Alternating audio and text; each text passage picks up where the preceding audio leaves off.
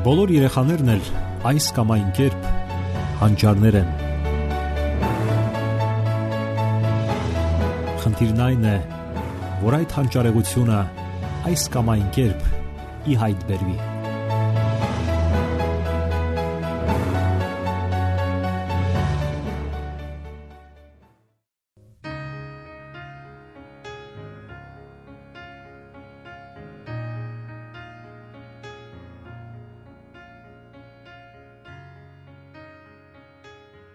Բարև ձեզ, սիրելի ռադիո լսողներ։ Եթերում դասերակցություն հաղորդաշարն է։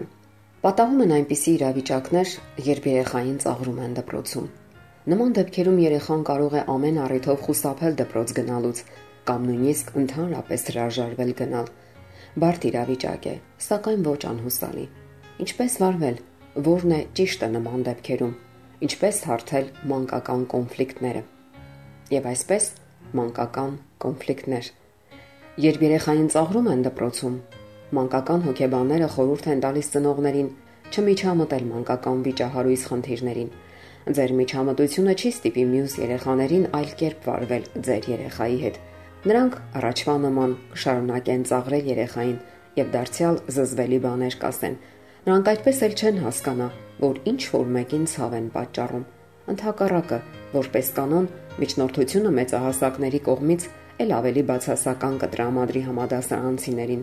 Նրանք դարձյալ չեն թույլատրի նրան շփվել հավասարը հավասարի հետ, ընդունել իրենց ընկերակցությունը,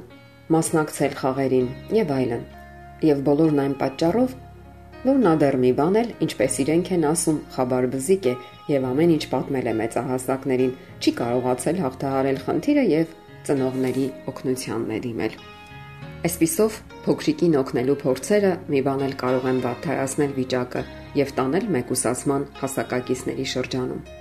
Դրանից բացի երեխան իր համար հետևություն կանի, որ ինքը չի կարողանում հաղթահարել տհաճ իրավիճակներն ու դժվարությունները եւ միշտ պահանջվելու է մեծահասակների օգնությունը։ Արդյունքում երեխան զրկվում է ինքնահարգանքից եւ սեփական ուժերի հանդեպ վստահությունից։ Իսկ ինչպես օգնել երեխային։ Շատ երեխաներ խորհուրդ են տալիս իրենց հասակակից երեխաներին գնալ parzabanumների ծաղրողների հետ։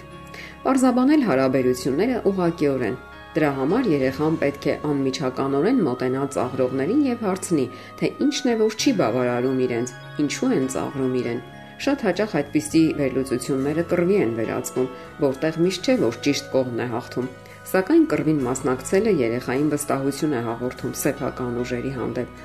Սակայն ոչ մի դեպքում երեխայի մոտ չպետք է այն տպավորությունը ստեղծվի, որ բռունցքների եւ ուժի օգնությամբ կարելի է հարցեր լուծել։ Ընթակառակը կարելի է բացատրել երեխային, որ կան հարցեր լուծելու ուրիշ բավականաչափ գործուն միջոցներ։ Դպրոցականին արժե համոզել այն բանում, որ հիմնախնդիրը իր մեջ չէ, այլ նրանց մեջ, ովքեր ծաղրում են։ Երեխան պետք է հասկանա, որ ինքը ուժեղ բնավորություն ունի, վստահ է սեփական ուժերի հանդեպ եւ չարժե ուշադրություն դարձնել նեղացնողների վրա։ Կա եւս մեկ գործուն միջոց, որով երեխան կարող է հանդարտեցնել ծաղրողներին։ Դա այն է, երբ նա ուշադրություն չի դարձնում իրեն ծաղրողների վրա եւ հասկացնում է, որ լուրջ չի ընդունում նրանց հիմարությունները։ Եվս մեկ եղանակ, որը նույնպես կարող է աշխատել նման դեպքերում։ Խորհուրդ պետք է տալ երեխային ավելի շատ ծիծաղել նման դեպքերում, երբ ծաղրում են, իրավիճակը վերածել ընդհանուր կատակի։ Դա իսկապես հեշտ չէ, սակայն պատկերացրեք, որ շատ դեպքերում այդ մեթոդը աշխատում է։ Դրանով երեխան ցույց է տալիս ծաղրողներին, որ նրանց բոլոր խոսքերը հիմարություններ են եւ իրենք բոլորովին էլ խելամիտ չեն պահում իրենց։ Համադասարանցիները շատ արագ են հասկանում դա եւ արդեն այնքան էլ հետաքրքիր չի դառնում ծաղրելը։ Դժվար է իսկապես համոզել երեխային դիմելու այս կամ այն մեթոդի օգնությանը Դրա համար կարելի է բերել որևէ օրինակ։ Պատմեք, թե ինչպես եք վարվել դուք կամ ձեր որևէ ծանոթը նման իրավիճակում։ Փոքրիկի վրա լավ կազդի որևէ օրինակ, ասենք նշանավոր մարդկանց կյանքից, թե ինչպես են ծաղրել որևէ նշանավոր մարզիկի կամ դերասանի, ինչպես են հաղթահարել նման իրավիճակները։ Կարևոր է բացատրել երեխային, որ նա ինքն է լուծելու այդ օրինակ վիճակները։ Դուք չեք կարող ամբողջ կյանքում լուծել նրա հիմնախնդիրները։ Նաև այսպիսի իրավիճակ։ Եթե երեխան պնդում է, որ իրեն այլ դպրոց տեղափոխեք, ապա այստեղ հարկավոր է մտածել։ Ամեն ինչ կախված է կոնկրետ իրավիճակից։ սակայն որպես կանոն դա չի փոխում իրավիճակը։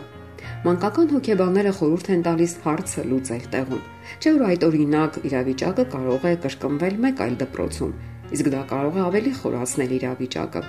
Երեխան կփորձի դարձյալ փախչել հետագա տհաճություններից, եւ նա ոչ մի հետեւություն չի անի տվյալ իրավիճակների առումով։ Դե իսկ եթե վերջնականապես որոշել եք այլ դպրոց տեղափոխել նրան, ապա նախորոք զրուցեք երեխայի հետ Բացատրեք, որ նոր ուսումնական հաստատությունում նա հենց առաջին օրվանից պետք է հաստատակամ լինի իր դիրքորոշման մեջ եւ թույլ չտա, որ նման բան կրկնվի։ Բացատրեք, թե ինչպես վարվի այս կամ այն դեպքերում։ Եթե ձեր երեխայի հանդեպ ձևավորվել են այս օրինակ տպավորություններ, լացկան, դինջ, լռիկ, մնջիկ եւ այլն, ապա խորհուրդ տվեք երեխային, որ մնա այնպիսին, ինչպիսին ինքն է սակայն կարող է եւ ավելի մանրակրկիտ ուսումնասիրել իր բնավորությունը, հետևել իր վարքագծին եւ չկրկնել նախկին սխալները։ Եվ այսպես, եթե առաջացել են հիմնախնդիրներ դասարանցիների հետ, հնարավորություն տվեք երեխային լուծելու կոնֆլիկտները։ Ձեր օգնությունը կարող է միայն վնասել նրան։ Իսկ եթե իրավիճակը չի փոխվում, ապա բացատրեք երեխային, որ խնդիրը ոչ թե իր մեջ է, այլ իրեն նեղացնողների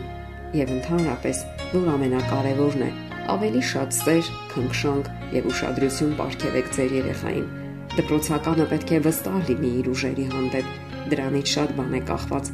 Եղեք նրա հուսալի օգնականը եւ խորհրդատուն։ Սիրելի ռադիոլսողներ, եթերում դասերակցություն հաղորդաշարներ։ Ձեզ հետ է Գեղեցիկ Մարտիրոսյանը։ Ձեզ ուզող հարցերի համար կարող եք զանգահարել 093 00 63 27 կամ 094 93 50